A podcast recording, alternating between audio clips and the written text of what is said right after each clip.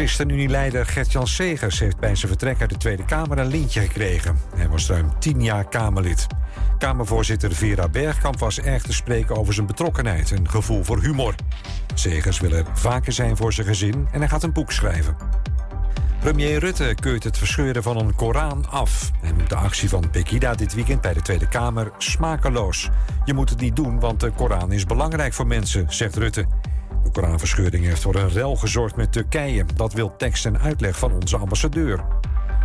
En in Los Angeles zijn de nominaties bekendgemaakt voor de Oscars. De meeste zijn voor de film Everything Everywhere All at Once. Die gaat over een vrouw die tussen allerlei universums reist.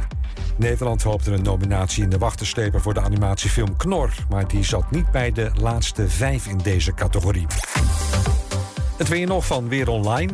Bewolkt en droog. Vanavond en vannacht opklaringen met lichte vorst. Morgen bewolkt en later ook wat zon. Aan het eind van de middag in het noordwesten wat regen. Het wordt dan 1 graad landinwaarts tot 6 graden aan zee. En tot zover het ANP-nieuws. Is jouw auto toe aan een onderhoudsbeurt of een APK-keuring? Maak dan nu een afspraak bij Gebroeders van der Mei in Enschede. Of het nou gaat om APK-keuringen, reparaties, bandenopslag of totaalonderhoud... Gebroeders van der Mei leveren vakmanschap, passie en echte service. Je vindt ons aan de Lonnekerbrugstraat 80 in Enschede. Ook ik rij op autobanden van Gebroeders van der Mei. Vind ons aan de Lonnekerbrugstraat 80 in Enschede.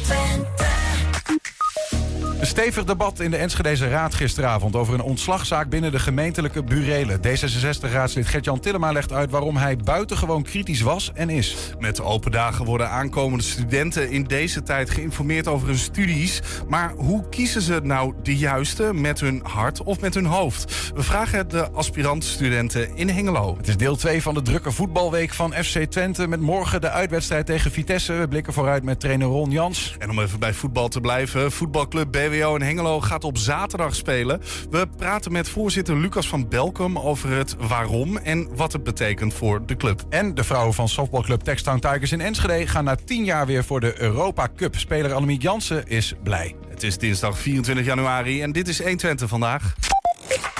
120. 120 vandaag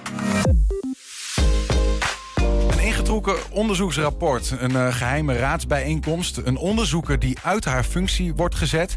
Gisteravond leidde tot een fel debat in de Enschedeze gemeenteraad. We gaan erover praten met een van de hoofdrolspelers. Maar eerst even voor het achtergrond naar collega Ernst Bergboethuis. Een van die hoofdrolspelers, ik ga hem toch aankondigen, is Gert-Jan Tillema van D66. Hij is bij ons. Uh, eerst even naar jou, uh, Ernst. Je bent ook al lang met die ontslagzaak bezig, waar het gisteren ook om ging. En dan misschien uh, ja, over die ontslagzaak, maar ook over wat daar dan achter uh, zou kunnen zitten. Wat speelt er in hoofdlijnen? Um, je gaf het al een klein beetje in de, in de inleiding aan. Hè? Een, een onderzoeksrapport. Onderzoek naar veel aanvragen is een bepaalde groep bijstandsgerechtigden of mensen die bijstand aanvragen. Dat speelde parallel aan een onderzoek dat al liep naar de menselijke maat. Kun je nog wel herinneren, commissie Vonk. Die was onderzoek aan doen naar de hele brede bijstand, eigenlijk ook de WMO. Um, tegelijkertijd, het klachtencommissariaat, daar werd een onderzoek gedaan naar, naar die, naar die veelaanvragers. Mm -hmm. um, de raad was daar keek met argusogen naar beide onderzoeken eigenlijk, maar ook naar dat onderzoek van de klachtencommissaris, wachtte daarop. Dat duurde eindeloos voordat er wat kwam.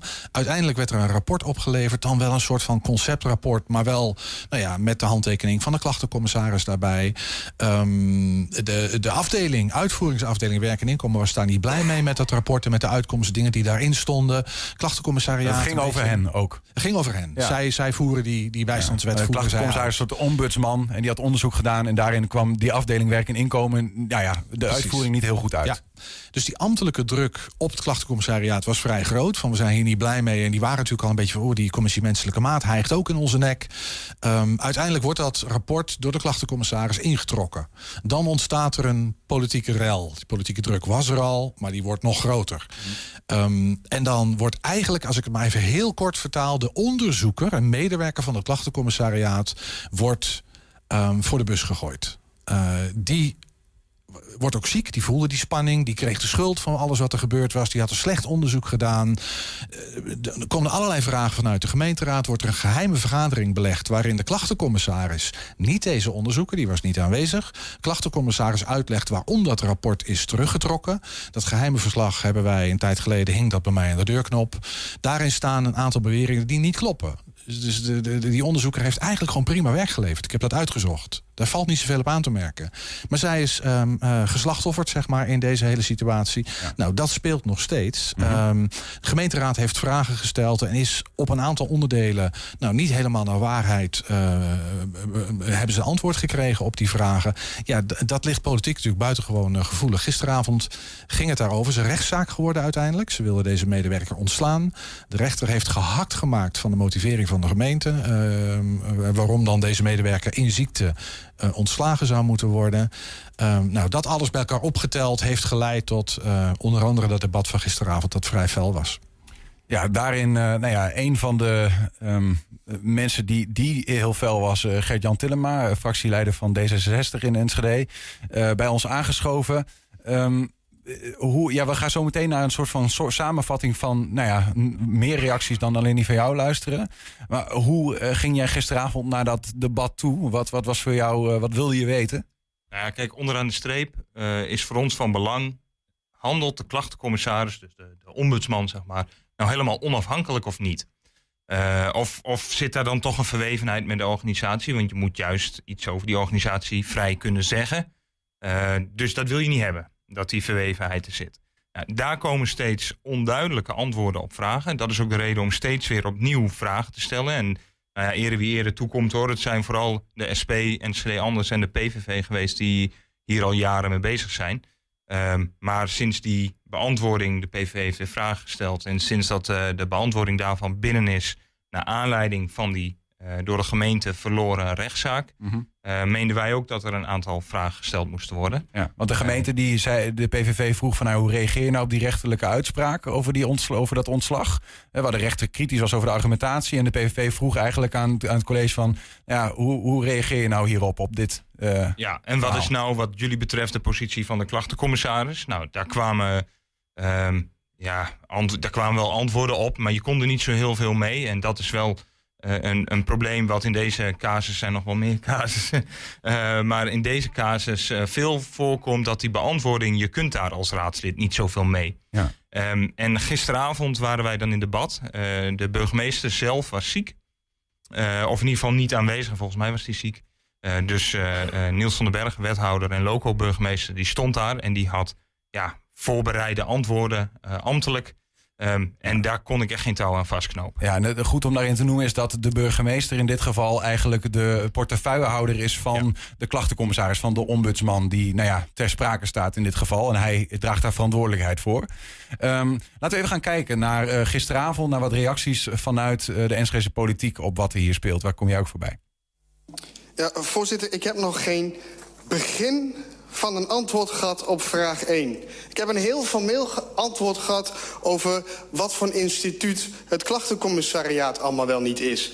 Maar ik stel een vraag of het college zich kan voorstellen dat omdat dat de ambtelijke en politieke druk dusdanig groot werd dat er daarom niet gekozen is om, uh, om zelf maar verantwoordelijkheid te nemen. Misschien dat er uh, een relatie onderhouden moest worden met werk en inkomen. Maar dat de klachtencommissaris dan maar heeft gezegd... weet je, we gaan een zonderbok aanwijzen. En, en ik vraag aan het college niet om de uitleg van de statuten van het klachtencommissariaat... Want die begrijp ik. Ik vraag het college en de wethouder en local burgemeester zelfs in deze... of hij het zich kan voorstellen dat het allemaal wat te hoog werd... met de ambtelijke en politieke druk. Om uh, mevrouw, als ze daarvoor open staat, in dit geval uh, zelf ook uh, uit te nodigen voor een gesprek van... wat is dan de versie van die kant. Daartoe hebben we een uitnodiging gedaan. En uh, het gesprek heeft nog niet plaatsgevonden. Ik hoop wel dat dat nog gaat gebeuren. En uh, daarom wil ik daar verder niet inhoudelijk iets over zeggen. Maar dat is wel de lijn die u eigenlijk schetst. Ik wil eerst mijn werk in die portefeuille ook kunnen doen... als uh, portefeuillehouder PNO... om te kijken van, nou, wat zit daar voor een kant van het verhaal aan. En uiteraard heb ik daarbij natuurlijk de antenne... waar ik uw raad op enig moment dien te informeren. Maar daar ga ik ook met de betreffende medewerker... het gesprek graag over aan. Mevrouw Visser. Ja, voorzitter, het is allemaal hartstikke mooi dat je nu met die onderzoeker in gesprek gaat. Ik zou zeggen, had dat gewoon twee jaar geleden uh, gedaan. Had ons hoop trammeland en vooral haar kunnen uh, voor. Maar u gaat ermee in gesprek.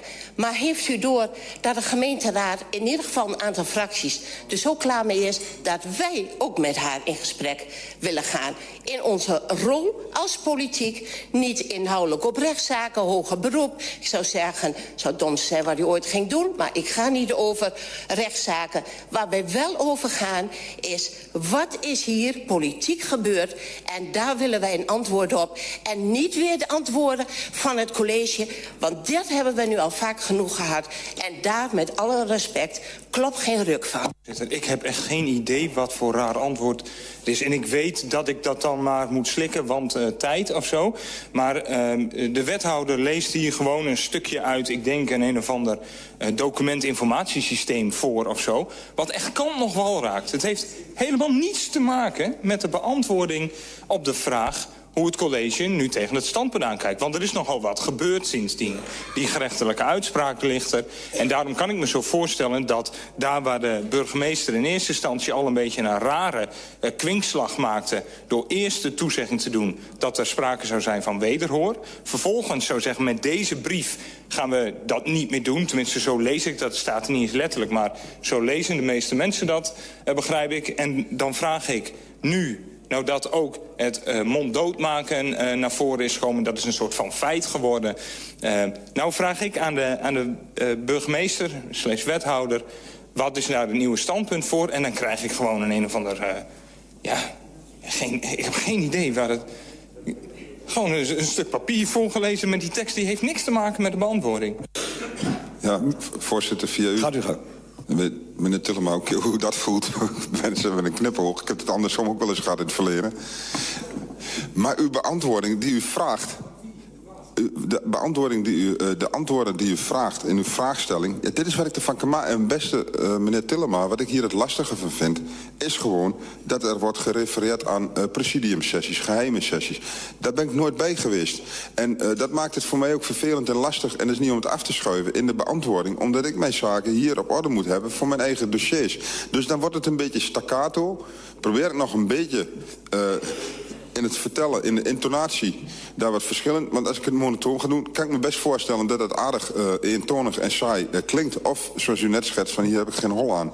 Maar dit, dit, dit, dit nee, oké, dat heb ik verkeerd gemaakt. Ik hoorde hem ergens in de zaal. Uh, maar hier wil ik het wel bij laten, want ja, dat kom ik weer aan hetzelfde. Ik wil het hier bij laten, voorzitter. Voorzitter. Meneer Tillema, afsluit het. Dank u wel. Um, de wethouder gaat hier staan in, de, in, de, in zijn rol als uh, loco-burgemeester. En die wordt gesouffleerd vanaf de ambtelijke tribune.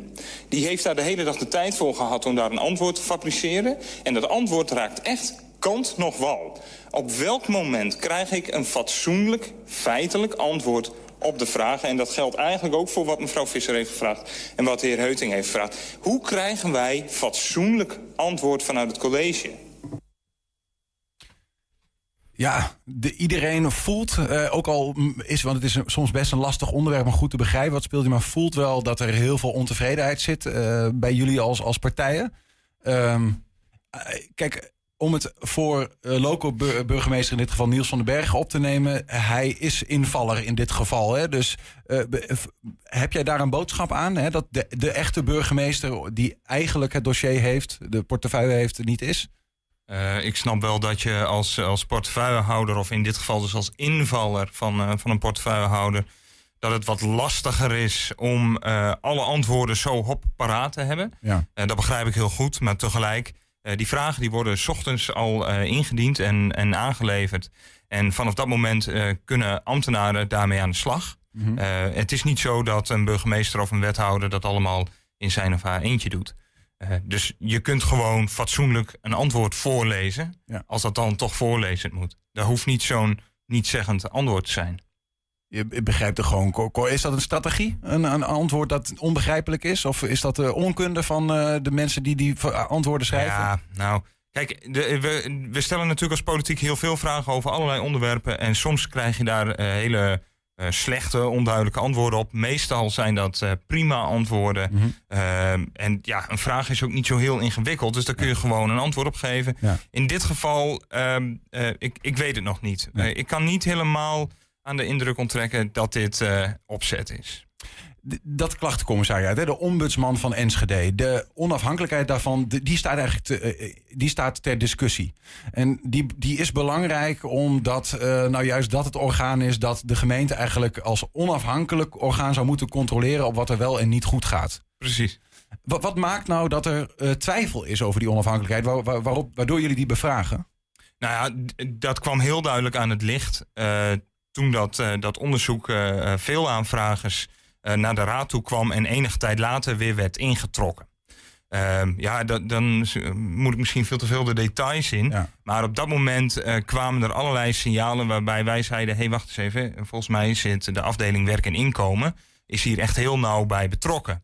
En eh, dat onderzoek ging juist over het handelen van werk en inkomen. Dus dat, Mhm. dat schuurde. En dat, daar kwamen steeds meer vragen Ja. eh, uit naar voren. Wat, wat- en even, eh, ik weet niet of dat eh, bewezen is. Hè, daar zoeken jullie misschien ook naar. Stel dat daar inderdaad een verwevenheid is. Hè, dat juist het bekritiseerde orgaan binnen de gemeente meeschrijft over eh, aan, het, aan het rapport. En eigenlijk probeert om dat te spinnen in de goede richting. Ehm, als dat aan de hand is, dan is dat kwalijk. Dat kunnen we wel zeggen. Wat kunnen jullie daar dan mee als gemeenteraad? Nou kijk, we, er loopt al jaren een discussie over waar moet de klachtencommissaris eh onder vallen. Moet dat onder de raad zijn of onder het college? Nou, dat is een hele technische discussie. Eh, maar wat dat wel laat zien is dat je als raad, wij kunnen eh, de klachtencommissaris op een andere manier, of het commissariaat op een andere manier inrichten. En in dit geval, als het zo is dat daar verwevenheid zit, Mhm. dan moet je de klachtencommissaris op een grotere afstand van de ambtelijke organisatie zetten. Ja, ooit was dat zo, toch? Dan vielen ze onder, eh, viel de klachtencommissaris onder jullie of onder, onder eh, toezicht van onder de, raad. gemeenteraad. zeg Dat- maar. Dat klopt. Ehm, om heel eerlijk te zijn, ja, het is ook een beetje potato-potato. Want volgens mij kan de klachtencommissaris in de huidige opzet ook prima onafhankelijk onderzoek doen. Maar dat lijkt er nu dus op dat dat niet gebeurt. Ehm, in dit geval, ik, Ernst, ik hoor jou zeggen... eh, de medewerker van het klachtencommissariaat... die hier in het discrediet is gebracht, hè, waar dit over gaat... die eigenlijk eh, buiten de deur gezet eh, werd... ehm, die werd voor de bus gegooid. Eigenlijk zou je verwachten dat de klachtencommissaris... als in de voorzitter van het klachtencommissariaat... dat die dan, nou ja, eigenlijk de blame trekt, zeg maar. Is dat in dit geval ook gebeurd? Het Nee, onderzoek blijkbaar niet goed is. Nee, dat is, dat is niet gebeurd. En dat is, ehm, eh, weet je, het, het, het wonderlijke is een beetje, maar dat is uit mijn onderzoek eh, blijkt dat die klachtencommissaris heel graag nauw samen wilde werken met werk en inkomen. Ehm, en ik denk, eh, als je alles op een rij zet, eh, veel te nauw. Sterker nog, ik denk dat werk en inkomen een hele grote rol heeft gespeeld en heeft geprobeerd te spelen ook in het proces. Hè, van hoe gaan we dat onderzoek nou precies doen? En ook toen het al vanaf, vanaf meet af aan en ook toen het rapport er uiteindelijk lag, allerlei pogingen heeft gedaan om de inhoud van het rapport nog te veranderen. En de klachtencommissaris eh, was daar kennelijk, die wilde dat. Die, die, die, die, die, die was daarvan, die, die wilde dat. Die zat daarin. De onderzoeker heeft gezegd, nou, ik heb gewoon onderzoek gedaan. En eh, dit zijn mijn bevindingen. En daar doe ik niks aan af. Ik wil wel een puntje en een kommaatje veranderen in het rapport. Maar ik blijf bij de onafhankelijkheid van de klachtencommissaris. Het is een onafhankelijk onderzoek. En dit zijn mijn bevindingen. En daarmee moet u het doen. Zeg maar. Ja. Dat was de lijn van die onderzoeker. En ehm, eh, nou ja, dat heeft geleid tot dus ook een intern conflict tussen de klachtencommissaris en deze bewuste onderzoeker. Dat lag al niet zo lekker, maar dat eh, is van een, heeft een andere geschiedenis. Ehm, en uiteindelijk heeft die onderzoek, die is daar aan onderdoor gegaan. Die is Ja. ziek geworden. Ehm, toen kwamen daar vragen, geheime bijeenkomst, eh, waarin ook duidelijk werd dat raadsleden zeiden van ja, maar die klacht, die onderzoeker is helemaal niet bij deze bijeenkomst. Wij willen haar horen. Precies. En de dag na die geheime bijeenkomst is zij uit haar functie gezet, waardoor Ja. ze niet meer eh, over die zaak kon praten. In die, heb jij geschreven, Ernst, in die geheime bijeenkomst is door de klachtencommissaris iets gezegd over de werkwijze van de onderzoeker. Namelijk, ze, heeft, eh, ze zegt gesproken te hebben met collega's in Almelo, Amersfoort en Rotterdam. Waar het goed zou gaan. Hè, eh, om nou, te- anders, die hadden een andere gaan. werkwijze dan Enschede. Nou ja, en, en, en ze zei eigenlijk, die eh, mensen met die ze gesproken heeft, hebben wij niet kunnen vinden. Ja, dat eh klachtencommissaris heeft gezegd: ik, ik, ik heb dat onderzocht. Ja. en die, die mensen zijn niet te vinden, of die zijn niet bekend. Ehm, en eh, dat wat er in het rapport staat, wat de onderzoeker heeft, in het rapport heeft opgetekend, ja, dat is niet helemaal. Want eigenlijk eh, werkt Enschede net zoals eh, als Almelo, Rotterdam en Amersfoort. Ik heb Ja. dat uitgezocht. Uh, ik heb mensen wel kunnen traceren. Rotterdam heb ik geen inhoudelijke reactie van gehad, zeg ik er even bij.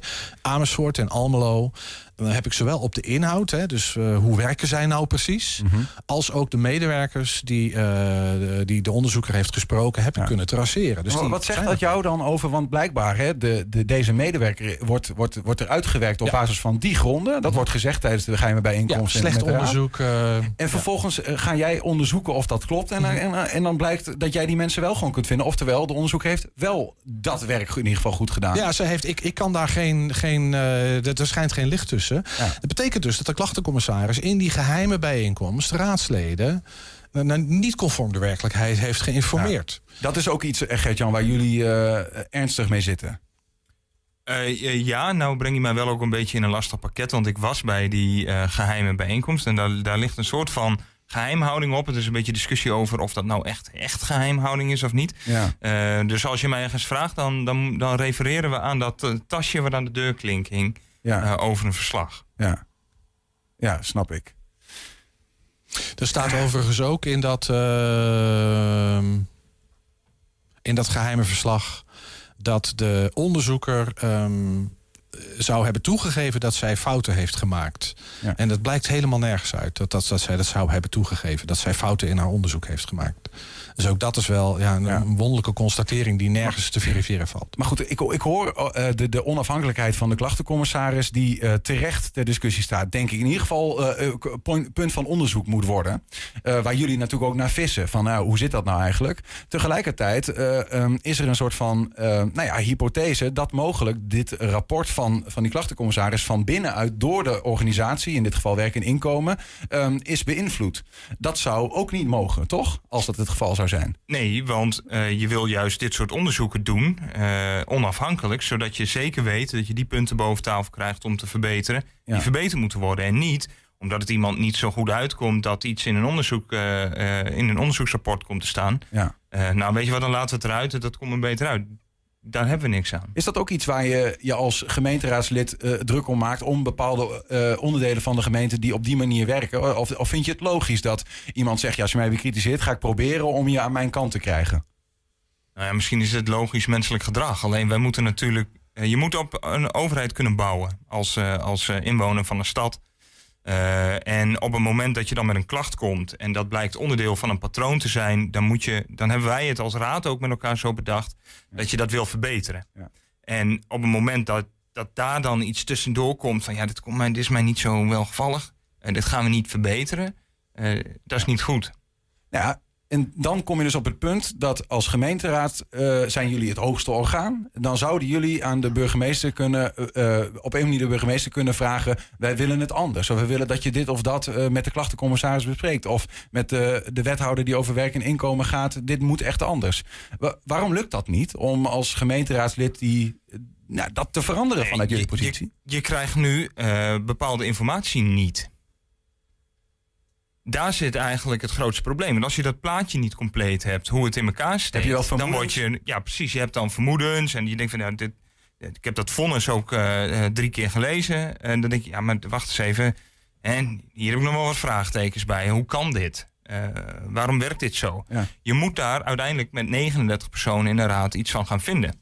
Nou, uh, voordat je dat duidelijk op tafel hebt, heb je ook hele duidelijke antwoorden nodig vanuit het college in, in principe. Want die geven ons de beantwoording. Ja, maar ja, dat is juist ook weer de partijen die je in deze bekritiseert. Ja, denk en dat maakt het hele verhaal ingewikkeld. Ja, dat is, is het een beetje pad, aan te kijken van... Nou ja, een soort van padstelling dan. Hè? Van hoe gaat dit nou... Uh, hoe gaat dit nou dan verder? Want je zet ook niet van vandaag op morgen de klachtencommissaris op afstand. Hè? Dat, je, dat je wat onafhankelijkheid inbrengt. Want jullie moeten toch als gemeenteraad... Ik hoor Pieter Omtzigt nog uh, al, al, ziedend in de Tweede Kamer. Hè? Als ik ergens om vraag, wil ik het gewoon krijgen. Bijvoorbeeld. Ja. Ja, weet je, maar dat, dat is natuurlijk. Maar dat is, daar raak je het ook aan. Hè? En ik, ik, ik, ik heb dat ook. Nou ja, ook in deze zaak. Het, het, de, dat wat die onderzoekers overkomen is voor haar heel erg treurig. Dat is tragisch. Ik ben in die rechtszaak geweest. Dat is niet fijn als je er zo bij zit.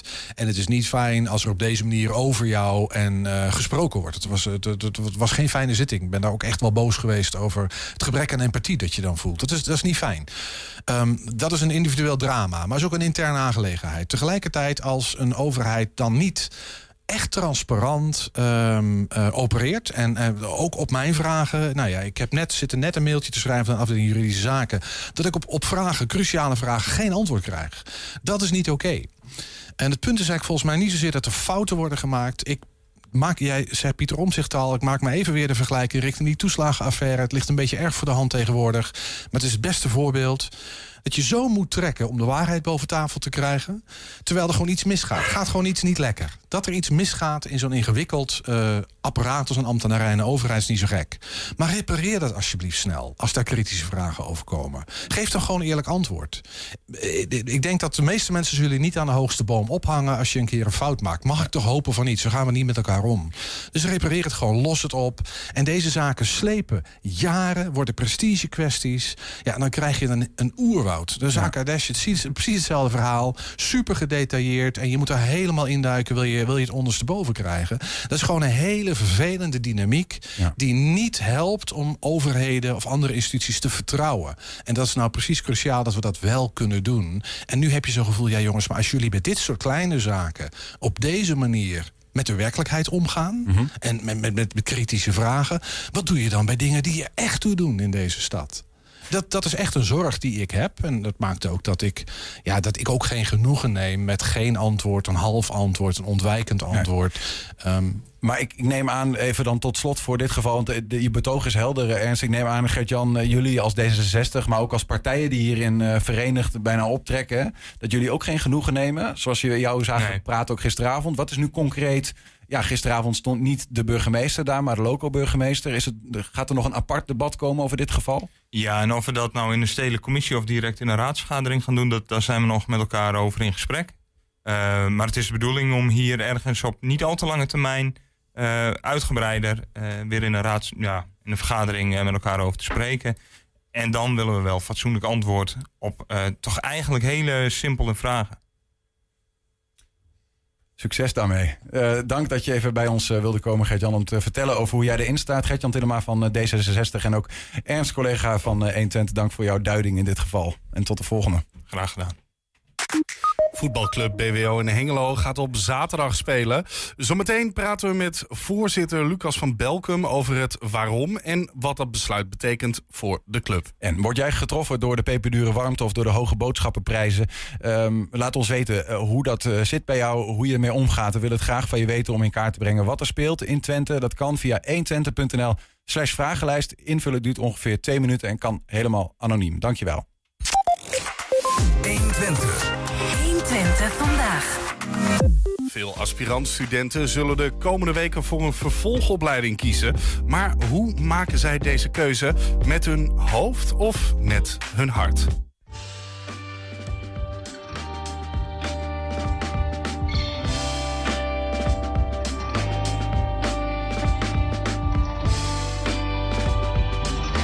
Weet jij wat je later als beroep wilt doen? Ja, ik wil graag uh, de defensie in. Ik wou eerder altijd arts worden, maar nu, nu uh, wil ik gewoon uh, met kinderen op de kinderafdeling in het ziekenhuis werken. Um, ik wil denk ik richting de rechten gaan. Ja, ja ik denk het wel. Oké, okay, en uh, als, als rechter zijnde? nee, weet je, zeg maar als advocaat of zeg maar vooral van criminaliteit. Oké, oké. Okay, okay. Zit je op de middelbare school of doe je al een volgopleiding? ik zit op de middelbare school. Welke leerjaar? drie HAVO. vijf HAVO. Vijf HAVO, dus het is bijna, bijna zover. Ja, ja, bijna klaar. Hoe oud ben je? Uh, 16. Ik, uh, ik uh, deed eerst de MAVO, die heb ik gehaald. Die, op, die hoe heet dat? Dat niveau? Dat niveau inderdaad. En toen ben ik naar de HAVO gegaan, samen met allemaal vrienden van mij.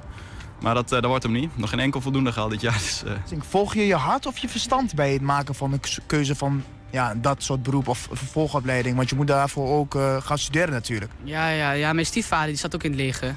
En die uh, vertelt wel veel mooie verhalen en zo daarover. Dus die, dat inspireert mij wel een beetje. Allebei.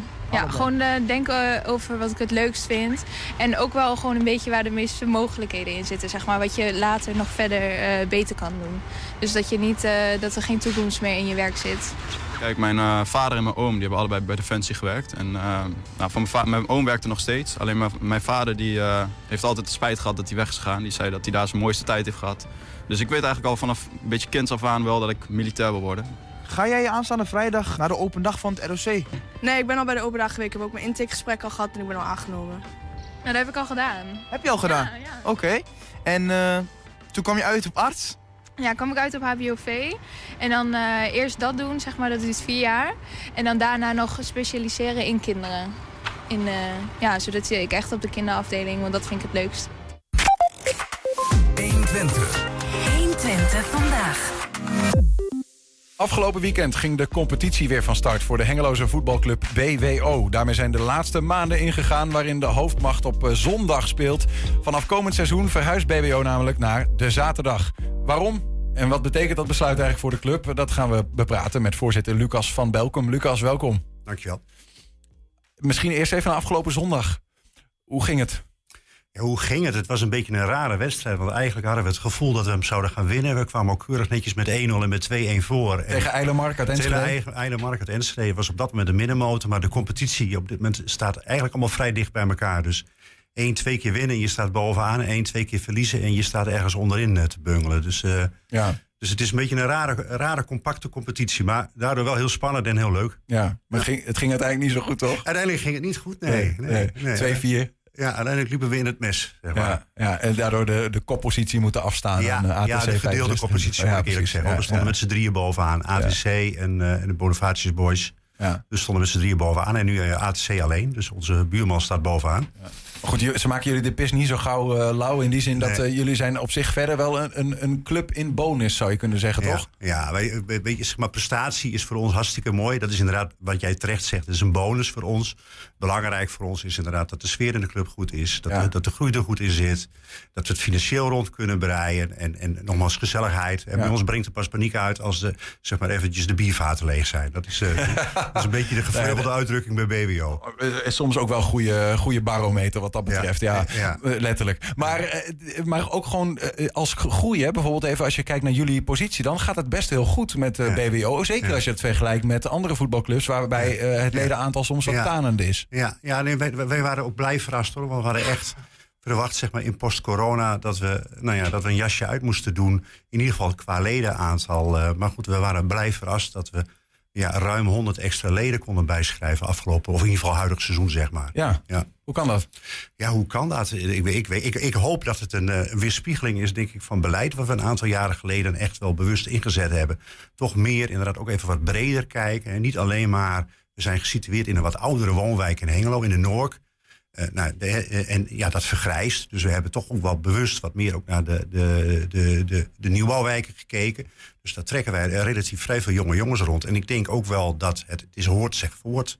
Het, Ja. is, het, is, het is gezelligheid, wat minder prestatief denk ik dan... eh, Dat dan- is het beleidsdingetje waar je ja, het over hebt. Ja, dat is het beleidsdingetje. Ja. Dat we toch inderdaad het met eigen jongens blijven doen. We halen geen jongens van buiten af. Ja. Hè, de jongens in het eerste betalen gewoon netjes contributie, net als elk ander lid. En, en eh, ja, op die manier proberen we wel ja, de- een beetje zeg maar, de verbindenis tussen het eerste en, en, en, en het overige van, van de club inderdaad wel bij elkaar te houden. Hoort die stap naar de zaterdag, zit die, is die daar ook eh Nou, deels die- vandaan gekomen? Ja, die staf naar de zaterdag is, is wel een eh, gevolg geweest van, van veel heroverwegingen, overwegingen van de afgelopen vier jaar. Vier jaar geleden speelde dit al. Het probleem toen was eh, dat als je van zondag naar zaterdag wou, moet je, moest je zaterdag helemaal onderaan beginnen. Eh, twee De jaar laagste geleden, klasse, zeg maar. Ja, dan moest je in de laagste klasse beginnen. Twee Ja. jaar geleden heeft de KVB, KVB besloten om horizontaal overstappen mogelijk te maken. Dus dat betekent dat je van de tweede klas zondag naar de tweede klas zaterdag kunt. Nou, dat was voor ons het moment om toch weer opnieuw de zaak te gaan herijken. En eh, ja, doorslaggevend was toch wel de grote groep eh, spelers van het eerste, maar ook spelers van de B1 en de A1, zeg maar de aanstaande spelers van het eerste, Mhm. die bijna allemaal unaniem aangaven van eh, bestuur, wij willen heel graag op zaterdag voetballen. Want? Wat was hun Want, ja, het belangrijkste is denk ik toch de, de, de zaterdagavond als stappenavond, denk ik hoor, vermoed ik. Hey, jongens, als je op zondag moet voetballen, moeten ze zich zaterdag toch inhouden. Nou, bij BWO verschoven ze dat vaak naar de vrijdagavond. Ja. Maar weet je, dan, ja, dan begin je al slecht in het weekend, zeg ik altijd. Ja, ja, ja, ja. Daar zit ook weer die gezelligheid. Zit Ja, er weer ja, achter. dat is ook weer die gezelligheid. Dus Maar goed, tegelijkertijd zit er ook wel een beetje een sportief element aan, toch? In die zin dat eh, ik, het is niet de eerste club die overstapt hè, van Nee. zondag naar zaterdag. Nee. Een soort van beweging die je breder ziet. Dan, dan, eh, dan verschraalt ook het zondagvoetbal, lijkt mij. Ja, ja dat, ik, denk, ik ben ook bang dat dat gebeurt. Ik hoop ook dat de KNVB daarop op gaat anticiperen. Ehm, eh, want je ziet wel inderdaad ook vaak de betere verenigingen, die, die, die, die, zeg maar eh, eh, ja, een beetje klassiek inderdaad wel inderdaad vaak wat in de top voetballen, eerder de keuze maken om, om naar, naar zaterdagvoetbal te gaan. Ik merk ook dat het met name ook in de stad meer speelt dan in de dorpen. De dorpen blijven toch vaak wel inderdaad op hun traditionele, traditionele dag spelen, zeg maar. Nou, bij ons in Hengelo speelt het echt. Het zijn echt de vier wat grotere verenigingen die vanaf volgend jaar allemaal inderdaad op zaterdag gaan spelen. En dan weet je, dan krijg je ook nog een onderlinge trek. Ja. Op het moment dat jij als enige club inderdaad op zondag blijft spelen. Dan loop je het risico dat ze toch denken van ja, wacht eventjes, ik wil Ja. toch inderdaad op zaterdag voetballen. Want wordt het niveau op zaterdag wordt gewoon vanzelfspre- als vanzelfsprekend hoger, omdat er meer clubs in die competitie ja, ja, zitten. maar het zaterdag voetbal is over het algemeen het niveau al hoger. Dat is eigenlijk al een beetje historisch zo gegroeid. En ja, ik, ik denk inderdaad dat daar zeg maar, dat onderscheid tussen zaterdag en zondag nog groter gaat worden. En dat het veel meer de, de plaatselijke verenigingen uit de dorpen zijn die wat meer op zondag gaan voetballen. Zijn er ook leden, want je zei hè, een meerderheid van de leden eh, die zegt eigenlijk van ja, ik wil echt gewoon op die zaterdag voetballen. Maar zijn er ook leden die zeggen ja, maar ik wil graag op die zondag. Eh, Sterker nog, ik heb mijn baantje op de zaterdag, ik kan, ik, ik kan het niet, dus ik, dan moet ik weg bij de club. Nee, nee. Die, Helemaal die- niemand? Nee, het enige wat... wat we, kijk, we hebben natuurlijk ook wel wat oudere senioren elftallen. Die blijven allemaal braaf zondag voetballen. Ja. En die kunnen we ook niet bewegen om op zaterdag te gaan voetballen. Maar ik hoop ook niet dat ze dat gaan doen. Want die tijd en ruimte hebben we überhaupt niet meer. Nou ja, dat is inderdaad ook nog wel een interessant aspect. Hè? Ja. al, al die teams op de zaterdag, waar ook de jeugd bijvoorbeeld vaak al de zaterdag voetbalt. Dus ik Ja. hoor, dat, wordt, dat past allemaal nog het, wel. wordt heel, het, wordt, het, wordt, het wordt complex. Dat was een van de overwegingen die wij meegenomen hebben. Hoe kunnen wij inderdaad wel zoveel wedstrijden op de zaterdag aanbieden? Ja. Nou, we hebben wat rondgekeken bij de traditionele zaterdagvereniging... om te kijken hoe ze dat georganiseerd hadden. Nou, die hebben dat veel strakker gepland. Dus dus zeg maar, het warm, eh, eh, warm trappen voor de wedstrijd gebeurt niet op het veld, speelveld aan zich... maar dat gebeurt op andere op bijvelden, zeg maar. Ja. Zodat je eigenlijk als de ene wedstrijd afgelopen is... meteen de andere kunt starten. Niet te veel blessures maken. Niet te veel blessures maken, vooral inderdaad. En, en, en ja, we hebben extra verlichting moeten aanleggen ook. Dus we hebben nu drie velden verlicht. Dus dat betekent dat het gewoon ja, ja, zaterdag een gezellige boel wordt, zeg maar. Want om vijf uur en waarschijnlijk ook om zeven uur zijn er nog wedstrijden. Ja, ja. Ja. Ja. Kan ook nog wel eh, voor, de, voor, de, voor de kas eh, wat betekenen. Dat ze mensen op, tot zaterdag nog wat langer kunnen blijven Nou, hangen. die ervaring hebben we inmiddels al, want we experimenteren hier al mee. Dus Ja. we hebben al vrij veel teams die om vijf uur voetballen en om zeven uur.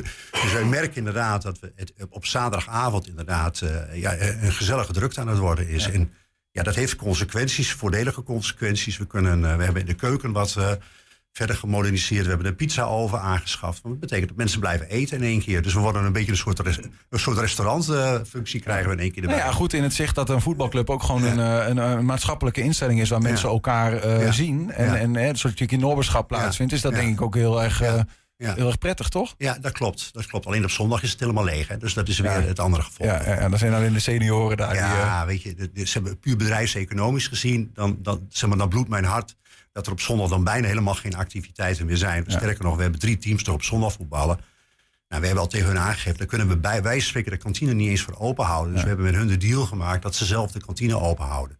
Kun je dan met, met dat veld, ja, ik zit er maar vrij te denken nu hoor, maar denk je daar van, ja, nu hebben we toch die plek, hè? Kun, je, kun je dat nog verhuren of kun je daar iets mee? Of Nou, is dat... wat, wat wij hopen, dat de, eh, dat initiatief zal echt bij de KNVW weg moeten komen, dat we wellicht op den duur tussen nu en één of twee jaar de jongste jeugd naar de zondagochtend kunnen halen. Met name de F'jes, de Welpen, wellicht de E'tjes, eh, dat die inderdaad naar de zondagochtend gaan. En, en, eh, en ik weet dat hier in Enschede op dit moment onderzoek plaatsvindt. De KNVB doet onderzoek bij de 22 verenigingen hier. Op dit moment om te polsen hoe ouders en hoe kinderen daarin staan om die jongste jeugd naar de zondagochtend te halen. En ik denk dat dat een deel van de oplossing is. hoeven de ouders niet meer zelf te voetballen, maar dan kunnen ze gewoon met hun, eh Ja, en dan kunnen met de hun ouders- roest langs het veld staan. Ja, weet je, dan kunnen de ouders op zondag of op zaterdag beunen haar spelen, zeg maar. Ja, ja, ja. Hey, ik begrijp ook, je verwacht eigenlijk dat die hele speeldagdiscussie eh, binnenkort soort van vanzelf ook verdwijnt. Omdat clubs, eh, de thuisclubs zelf mogen kiezen op welke dag ze spelen. Dat, die begreep ik even niet helemaal. Nou, de, de, de term is weekendvoetbal. Ja. Ehm, eh, en die is al door de KNVB geïntroduceerd. En, daar- en daar wordt ook, al mee, ook wel mee geëxperimenteerd in wat hogere divisies en klassen. En weekendvoetbal betekent dat je straks de thuisspelende club zelf kan bepalen of ze een wedstrijd op vrijdagavond, op zaterdagavond, op zaterdagmiddag of op zondag willen spelen. Ja. Met één uitzondering. Op het moment dat je speelt tegen een traditionele zaterdagvereniging, dus op basis van geloofsovertuiging, ja, dan moet de wedstrijd per se op zaterdag plaatsvinden. Ja, ja. Maar dat betekent dat BWO als in principe zaterdagclub ook gewoon op zondag Ja. zou kunnen Ja. voetballen, maar Ja. dan is het altijd uit. Ja. En dat kun je dan niet. Dat kun je, nou ja, dat, gaat, dat, gaat, dat gaat in onderling overleg uiteraard. Dus, dus op het moment dat je dat heel graag wilt, dan, nou ja, weet je, dan, dan is een paar telefoontjes gepleegd. Ja. Maar, eh, en hoe dat daadwerkelijk in de praktijk gaat, gaat, ja, zich gaat, gaat oplossen, dat weet ik nog niet. Maar dat is wel de oplossing, want dan bied je gewoon... eh, eh, ja, feitelijk bestaat er dan geen zaterdag zondagvoetbal meer. Daar komt erop neer. Ja. En het voordeel daarvan is, als je zaterdag zondagvoetbal op, op één hoop gooit, zeg maar, is dat je ook weer voorkomt dat je hele verre uitwedstrijden hebt. Want dan kun je wat makkelijker inderdaad, dan kunnen wij ook tegen eh, ploegen hier wat meer in de buurt gaan Ja. spelen. En hoe meer clubs in één competitie, hoe, hoe dichterbij de beste club is. Om ja het zo en te in het kader van zeg maar, sustainability en, en, en, en duurzaamheid is dat natuurlijk ook beter dat we al die reiskilometers zoveel mogelijk beperken. Hè? Ja. Ja. Zelfs dat speelt mee bij de voetbal tegenwoordig. Ja, Ja, ik- ja. ik weet niet of dat een overweging is. Nee, maar, maar goed, dat zou voor wel- mij wel een overweging zijn. Wij hebben echt een, een hele gro- grote groep trouwe eh, supporters. Of veel al de wat oudere garde. Die, die bijna alle uitwedstrijden binnen de straal van 20, 25 kilometer op het fietsje afleggen. Dus ik gun vooral die, die mannen, zeg maar. Die gun ik vooral inderdaad dat we zoveel mogelijk wedstrijden in de buurt eh, blijven. Precies, anders moeten ze aan de speed peddelen. Ja, later aan ja, de dat is scooter. levensgevaarlijk. Ja, ja, ja. Weet- weet ik uit eigen ervaring. Oh ja, gaan we niet verder over eh, hebben. Lijkt me verstandig. En, Ja. nog, nog even één dingetje dan. eh, BWO is een voetbalclub, maar jullie hebben ook een handbaltak. Daar is dit helemaal niet aan de hand, eh, dit Nee. soort taferelen. Nee, handbal speelt dit niet. Handbal, eh, ik ken ook geen verschil tussen zaterdag en zondag. Dat is eigenlijk wanneer de sporthal beschikbaar is, zeg maar, dan, eh, dan wordt er gespeeld. En dat is, eh, handbal is wat minder ook eh, zeg maar even aan, aan een specifiek sportpark gebonden. Eh, Ja. We hebben gelukkig een aantal jaren geleden hebben wij een eh, beachhandbalveld aangelegd. Waardoor we de handballers toch in de zomermaanden inderdaad wel op het sportpark hebben. En dat is heel goed voor de binding in de club. Maar voor de rest ja, moeten ze maar kiezen uit een aantal sporthallen. In dit geval in Engelo. En wanneer zeg maar, het tijdstip Dat beschikbaar is, dan beschikbaar is op het x-moment. Ja, ja, ja, Dan moet nog eh, wat terrein gewonnen worden voordat ze kunnen gaan kiezen. Ja, ja. Nou ja, nu weer, want ik zei wel de laatste, nu we je toch hier hebben, vo- voorzitter van een voetbalclub in Hengelo. Hè. We zijn met onze omroep onderzoek aan het doen naar hoe de energiecrisis eh, huishoudens Ja, raakt, maar ook ja. zeker verenigingen. Ja. Is dat bij jullie een, een ding of hebben jullie nog goedkope contracten? Wij hebben, nu op dit moment zitten we nog niet in de problemen. Ons eh, vaste contract loopt wel eind van eh, 2023 af. Dus wij zijn ons wel te degen ervan bewust. Dat, dat, en dat weten we ook al van, eh, van collega-buurverenigingen... die al wel in een variabel contract zitten. Ja. Ja, dat, dat rekeningen misschien wel verdrievoudigd gaan worden. Een beetje Ja. afhankelijk van... je ziet nu die prijzen wel weer op dit moment dalen natuurlijk. Maar stel dat dat op deze manier dit niveau blijft... ja, dan komen we heel erg in de problemen. Dan, dan praat je echt over bedragen van tussen de 30 en de 60.000 euro extra. Ja. Nu, nog, nu nog niet aan de hand? Nu nog niet aan de hand, maar weet je, zou dat zo zijn, Ja. dan kunnen we dat gewoon niet trekken, even heel plat gezegd. En, en, en als je dan even kijkt naar je eigen eh, spelersgroep, hè, of mensen die bij jullie betrokken zijn, zeg maar, hou je dat een beetje in de gaten? Hè, dat mensen, want ja, de lidmaatschap van een voetbalclub kost ook geld. Eh, Of mensen afhaken om die reden bijvoorbeeld. Ja, ja, nou ja, weet je, daar zijn natuurlijk sociale regelingen voor. Wij hebben net voor het eerst sinds vijf jaar toch weer moeten besluiten om onze contributie te verhogen. Nou, we zijn nog steeds een van de laagsten in Hengelo, zeg ik heel eerlijk. Ehm, ehm, ehm, in- dat is door alle leden met veel begrip ontvangen. Hè. Dus is 2 euro per maand bij opgekomen. En dan praat je over een totale som van 20.000 euro in ons geval. Maar echt noodzakelijk om de, de, de stijging in de prijzen die we misschien op energie nu nog niet hebben, maar wel op de inkoop van, eh, van heel veel spullen, om die in ieder geval te compenseren. Eh, eh, vooralsnog kost dat geen leden. Als leden echt in de problemen komen, dan heeft de gemeente Hengelo inderdaad de mogelijkheid om, om daarin te voorzien. Er wordt nog niet ruim gebruik van gemaakt, maar dat is wel een mogelijkheid. Sowieso als er meerdere jongens uit één gezin komen of meerdere meiden uit één gezin komen, moet ik er ook bij zeggen natuurlijk, want we hebben ook nog een vrij grote tak meidenvoetbal. Ehm, eh, eh, ja, dan is de, het derde lid inderdaad, komt dan voor de helft van, de, van het tarief binnen. Ja, precies. Maar zo- voor zover jullie kunnen zien, in ieder geval is het tot nu toe nog geen, zowel bij de club als bij de nog leden. nog maar niet. dat, weet je, dat kan nee. zo aan het eind van het jaar wel zo zijn. Want ja, iedereen die betaalt contributie voor een heel voetbaljaar. Dus pas aan het eind van het jaar, eind van het voetbaljaar, dus zeg maar eind juni, ja, dan maak je weer de balans op. en dat, dat kan best gevolgen hebben, dat sluit ik niet uit. In juli moeten we de ledenaantallen in de gaten blijven houden. Ja. Eh, eh, Lucas van Belkom, dankjewel voor, voor je komst. Wanneer is de eerste op zaterdag? Heb je dat in je hoofd of niet? De, de- de eerste, wedstrijd? De eerste Of- wedstrijd op of- zaterdag. of Ja, dat spelen nu wel nog op zaterdag als het vriendschappelijk is. Maar ja, dat zal medio september zijn. Medio, medio september. Eh, nou ja, heel, heel veel plezier en met alles wat dat teweeg gaat brengen binnen die gezellige club BWO. Dankjewel dat je bij ons was. Graag gedaan. Zometeen de vrouw van honk- en softbalclub Textown Tigers in Enschede gaan naar Milaan. Na tien jaar strijden ze dan weer mee voor de Europa Cup. Speler Annemiek Jansen is blij en praat ons bij. En we zijn ook als podcast te vinden op alle platforms. Je vindt 120 vandaag de hele uitzendingen, maar ook 120 vandaag uitgelicht. Elke dag één item losgeknipt. 120. 120 vandaag.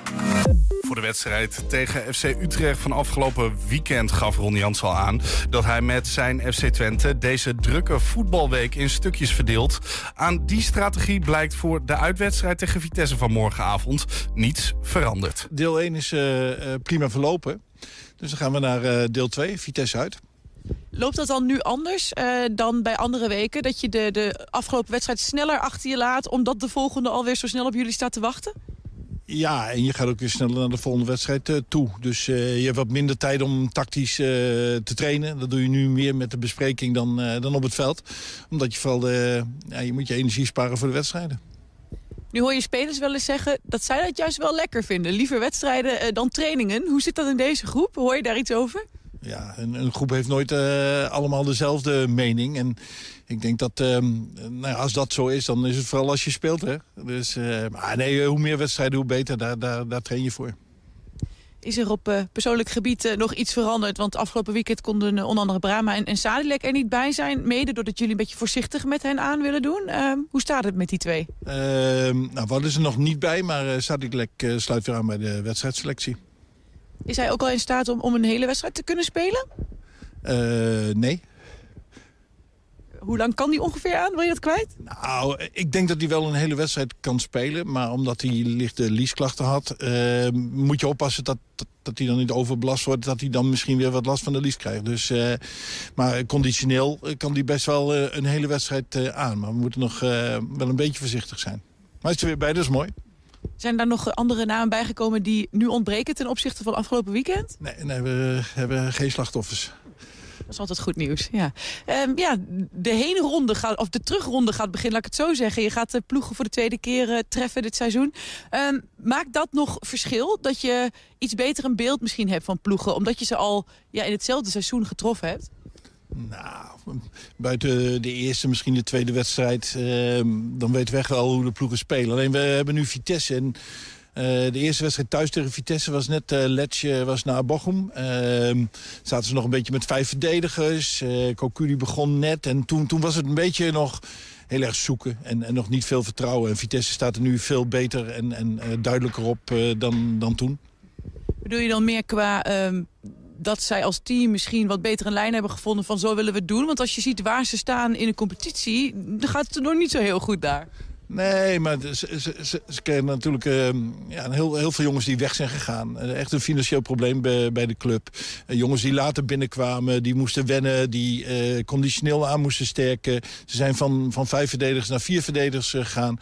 Ik denk dat uh, Cocu en zijn staf echt heel veel rust heeft weergebracht. En, en, en, en ehm, ik denk dat er ook een aantal jongens die het al speelden zoals uh, Troonstad en, en, en Witek en, en Bero...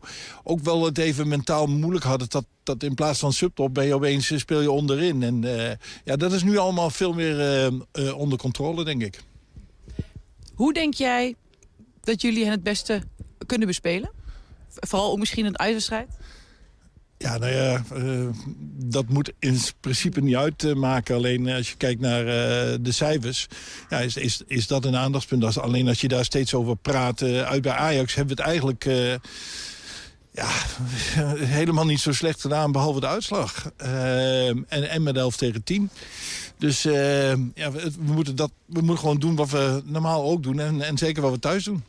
Ja, misschien ook, we hadden het uh, voor de wedstrijd van afgelopen weekend over. Van, hè, dat jullie het zo goed doen thuis. Dat dat ook een misschien een bepaalde status op een gegeven moment uh, twee gaat brengen. Dat tegenstanders dat ook zo gaan voelen. Werkt, kan dat andersom ook zo werken? Dat jullie over jullie eigen prestaties uit... Uh, dat dat misschien ook een beetje tussen de oren gaat zitten? Ja, maar... um, elke, elke week krijgen we weer dezelfde vragen. En dan gaat het misschien tussen de oren zitten. Want ja als je elke keer de vraag krijgt over van, eh, het kampioenschap en over uitwedstrijden... dan word je er ook, ook als trainer word je er ook wel eens een beetje uh, kriegelig van. Want het zijn steeds maar weer herhalingen en dan kun je steeds dezelfde antwoorden geven. Uh, wij hebben geen uitcomplex, dat weet ik zeker. Alleen, we hebben uit nog niet zo overtuigend gewonnen zoals we thuis hebben gedaan. Maar daar zijn we naar op zoek. En het zou mooi zijn als dat morgen zo zou beginnen. 120. 120 vandaag. Tien jaar hebben de vrouwen van Textown Tigers in Enschede erop moeten wachten. Maar ze zijn weer terug op het hoogste niveau van de softbalwereld. De ploeg mag namelijk naar Milaan voor de Europa Cup.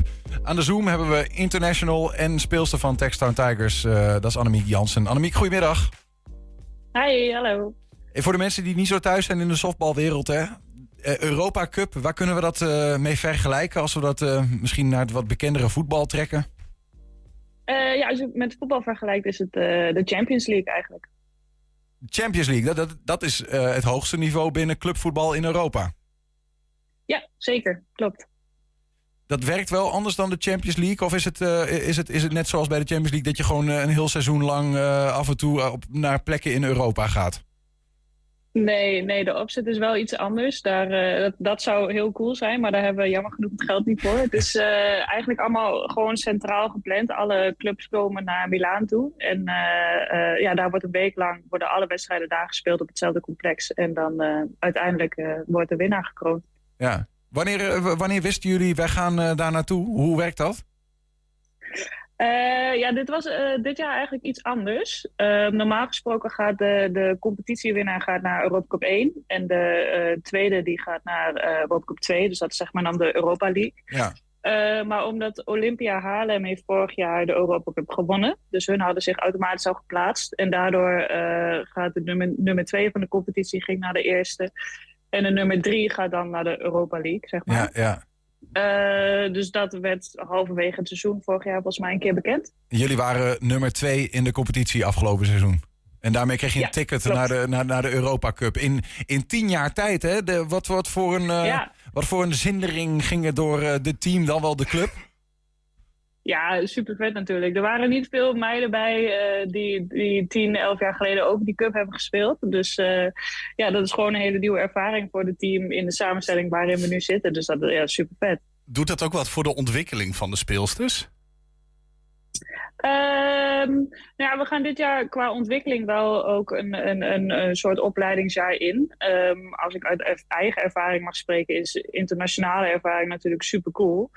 Eh, dus ja, dat helpt zeker mee voor, voor ontwikkeling. Ja. Jij zegt dat zo trouwens. eh, van tien jaar geleden waren er weinig meiden die er nu ook nog bij zitten. Eh, maar was jij er zelf bij, tien jaar geleden?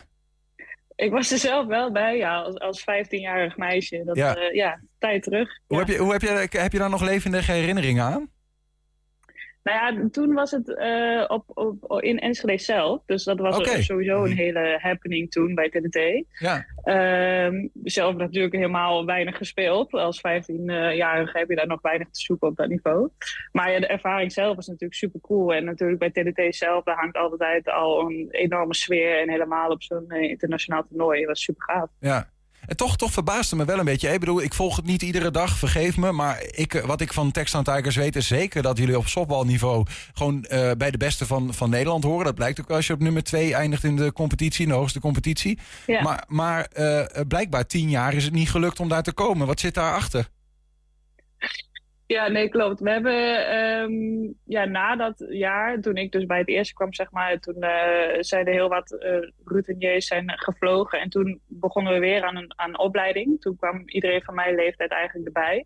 Nou, dat heeft wat tijd nodig. Mhm. Ehm, en eh, ja, bij de eerste twee komen van, van de competitie, dat lukt niet altijd. Wij vallen vaak wel in de boven-middenmoot. Maar ehm, ja, zo hoog hebben we het in lange tijd niet geschopt. Dus dan nu- weer voor het eerst. En nu zijn die eh, eh, jonge mensen die daar eh, dus tien jaar geleden instapten... die zijn inmiddels, nou ja, zover dat ze, dat ze het wel kunnen. Ja, ja. Nou ja, die, eigenlijk al die jonge meiden die er toen bij kwamen, daar ben ik de enige van die er nog bij zit. Maar ja, het team wat er nu staat, is Ja, er nu ja, wel ja. klaar voor. Ja, zeker. Nou begrijp ik dat jullie sponsoring zoeken. Waarvoor? Klopt, ja. Ja, nou ja, dit, eh, dit soort tripjes worden jammer genoeg niet eh, gefinancierd vanuit de bond of vanuit wat voor potje dan ook. Dus dat moeten we allemaal zelf betalen eigenlijk.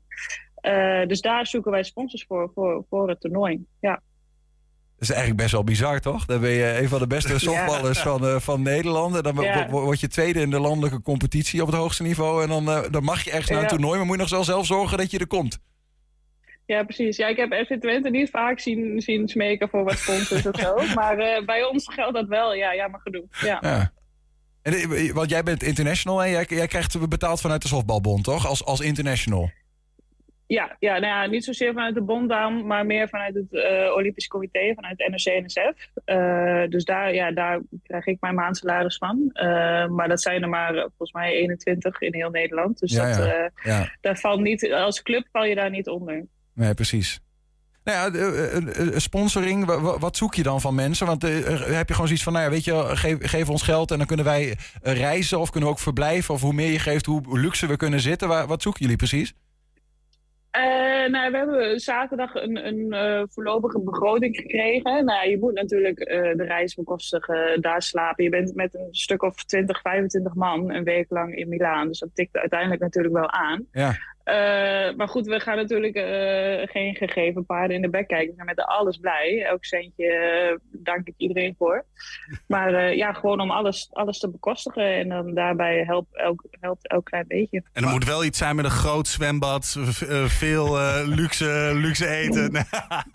Nou, we hebben het al over gehad. Voor mijn part gaan we kamperen. Maakt me echt geen zak uit. Maar eh, dat helpt natuurlijk misschien niet mee in de prestatie. Maar ja, Ja, dan ben je wel meteen op het gras, toch? Eh, Waar je eh, je Ja, precies. een balletje heen en weer Ja. kunt gooien voor de training. Nee, gekkigheid. Eh, maar- En wat nou, ja, even gewoon... Want dit is toch wel een interessant scenario. Stel nou dat dat niet lukt. Want ik bedoel, dat zal dan... Is dat in Nederland, zijn jullie de enige van, van al die clubs die daar komen... die dat zelf moeten ophoesten, of is dat normaal? Eh, nee, dat, is- dat is normaal. Dat is dus zeker normaal. Ehm, dit jaar gaan er drie teams. Olympia Haarlem en Sparks Haarlem gaat ook. Die gaan naar de, naar de Europa League. Ja. Eh, dus ja, iedereen moet het zelf ophoesten. En, en mochten wij met sponsoring niet aan ons budget komen... Ja, dan, dan gaat het uit eigen zak uiteindelijk. Ja, maar dat gebeurt dan ook. Ik bedoel, want ja, dan wordt eh, softballen is leuk... maar dan gaat het ook gewoon geld kosten. Ja, ja. Ja, je moet er wat voor over hebben. Nee, dan. dat, dat- ik snap dan, het, moet ja. je, dan moet je maar winnen. Ja, Ja, of juist niet dan, hè? Want, dan- Ja, wat zit, of zit- niet, want dan hoef je niet meer. Nee, precies, ja, ja. Maar zit er prijzengeld ja, aan? dat wou ik net zeggen. Zit daar prijzengeld aan als je het wint? Nee, volgens mij niet. Oh ja, nee, ik heb er nooit wat over gehoord. Anders zou het nog een interessante investering kunnen zijn natuurlijk. Hè? Dat je zegt Dat van, je ja, doneer geld en dan krijg je ook nog wat voor terug als je prijzengeld wint. Ja, Maar precies. Dat klinkt bijna Ja, als een dat zou film. Zit, zit er een, eh, zit, Ja, maar, doen jullie iets, iets terug voor de community die iets, eh, iets geeft? Of is het gewoon van je, je, je helpt ons en we houden je op de hoogte met foto's en, en verhalen? Of hoe moet ik dat zien? Nou, op de hoogte houden we sowieso natuurlijk. We hebben nu een sponsoringactie lopen met eh, shirts. Dus dat wordt dan onze travel shirt en warm-up shirt. En als je dan sponsort, dan kom je op dat shirt te staan. Maar ja, zo zijn er natuurlijk van alles mogelijk. We gaan ook wat clinics geven aan bedrijven en zo, dat soort dingen. Dus eh, ja, in die zin teruggeven, ja. En updates, uiteraard. Augustus, hè? Dan gaat het gebeuren. Ja, ja. Ja. De, de weg daar naartoe, wat, wat, eh, wat betekent dat? Ga je dan nog extra trainen bijvoorbeeld als club om te zorgen dat je daar hoge ogen gooit? Of is het gewoon normaal verder door blijven gaan? En, eh, Nou ja, je speelt natuurlijk ook gewoon de competitie. Dus dat is in die zin ook eh, voorbereiding voor de cup dan. Eh, en daar moet ook gewoon gepresteerd worden. ja. Eh, we hebben nog een, een, eh, nog een trainingskampje staan. En, en in de voorloop naar de competitie toe ook genoeg eh oefentoernooien en oefenwedstrijden. Dus eh, ja, genoeg voorbereiding. Kom je die Nederlandse club waar je het over had, van Olympia geloof ik, zei je, Haarlem. Haarlem. Kom je die tegen in Ja. dat toernooi? Ja, ja onze aardsrivaal. ja. Oké, nou, dan worden de messen zijn Nou, ik, heb zelfs Ja. gehoord dat de afgelopen Sowieso. wedstrijd zelfs gestaakt is tussen Olympia Haarlem en, eh, en de Texan Tigers. Kan dat kloppen? In de, in de Holland-series. Ja? Ja, to- maar toen werd het gestaakt inderdaad, maar tijdelijk vanwege de regen. Dus het was niet omdat er Oh, eh, bad zo- blood was of zo. zo spannend We was waren niet ruzie aan het maken. Ja. Nee. En wie is de favoriet eh, als we kijken naar die Europa Cup 1, waar jullie naartoe gaan? Welke club? Eh, ja, wij natuurlijk. Nee, Olympia heeft eh, vorig jaar gewonnen. Ehm Saronno, waar, waar we naartoe gaan, hun eh home ground, dat is altijd een favoriet. Die gooien er ook vaak wel wat eh, geld tegenaan. Die hebben wel een wat groter budget. Dus daar worden nog wel wat grote namen ingevlogen waarschijnlijk. En dan, dan heb je ons. Dus ja, ik denk dat de titelstrijd tussen ons drie zal gaan. Maar je maakt ook echt kans als Textown Tigers. Tuurlijk. Ja, nee, ja, goed. Ja, eh, Ja. ik- eh, Speel bij de- je spreekt met de international, Nee, hè, ja, Niels? sorry, eh, ik ben alleen maar gewoon een kritische, kritische interviewer, hè, je weet het. Eh, nee, heel goed. Eh, we, we, we gaan jullie volgen. En er zijn nog, hoe mensen, mensen jullie willen steunen, hoe gaat dat in zijn werk, Annemiek?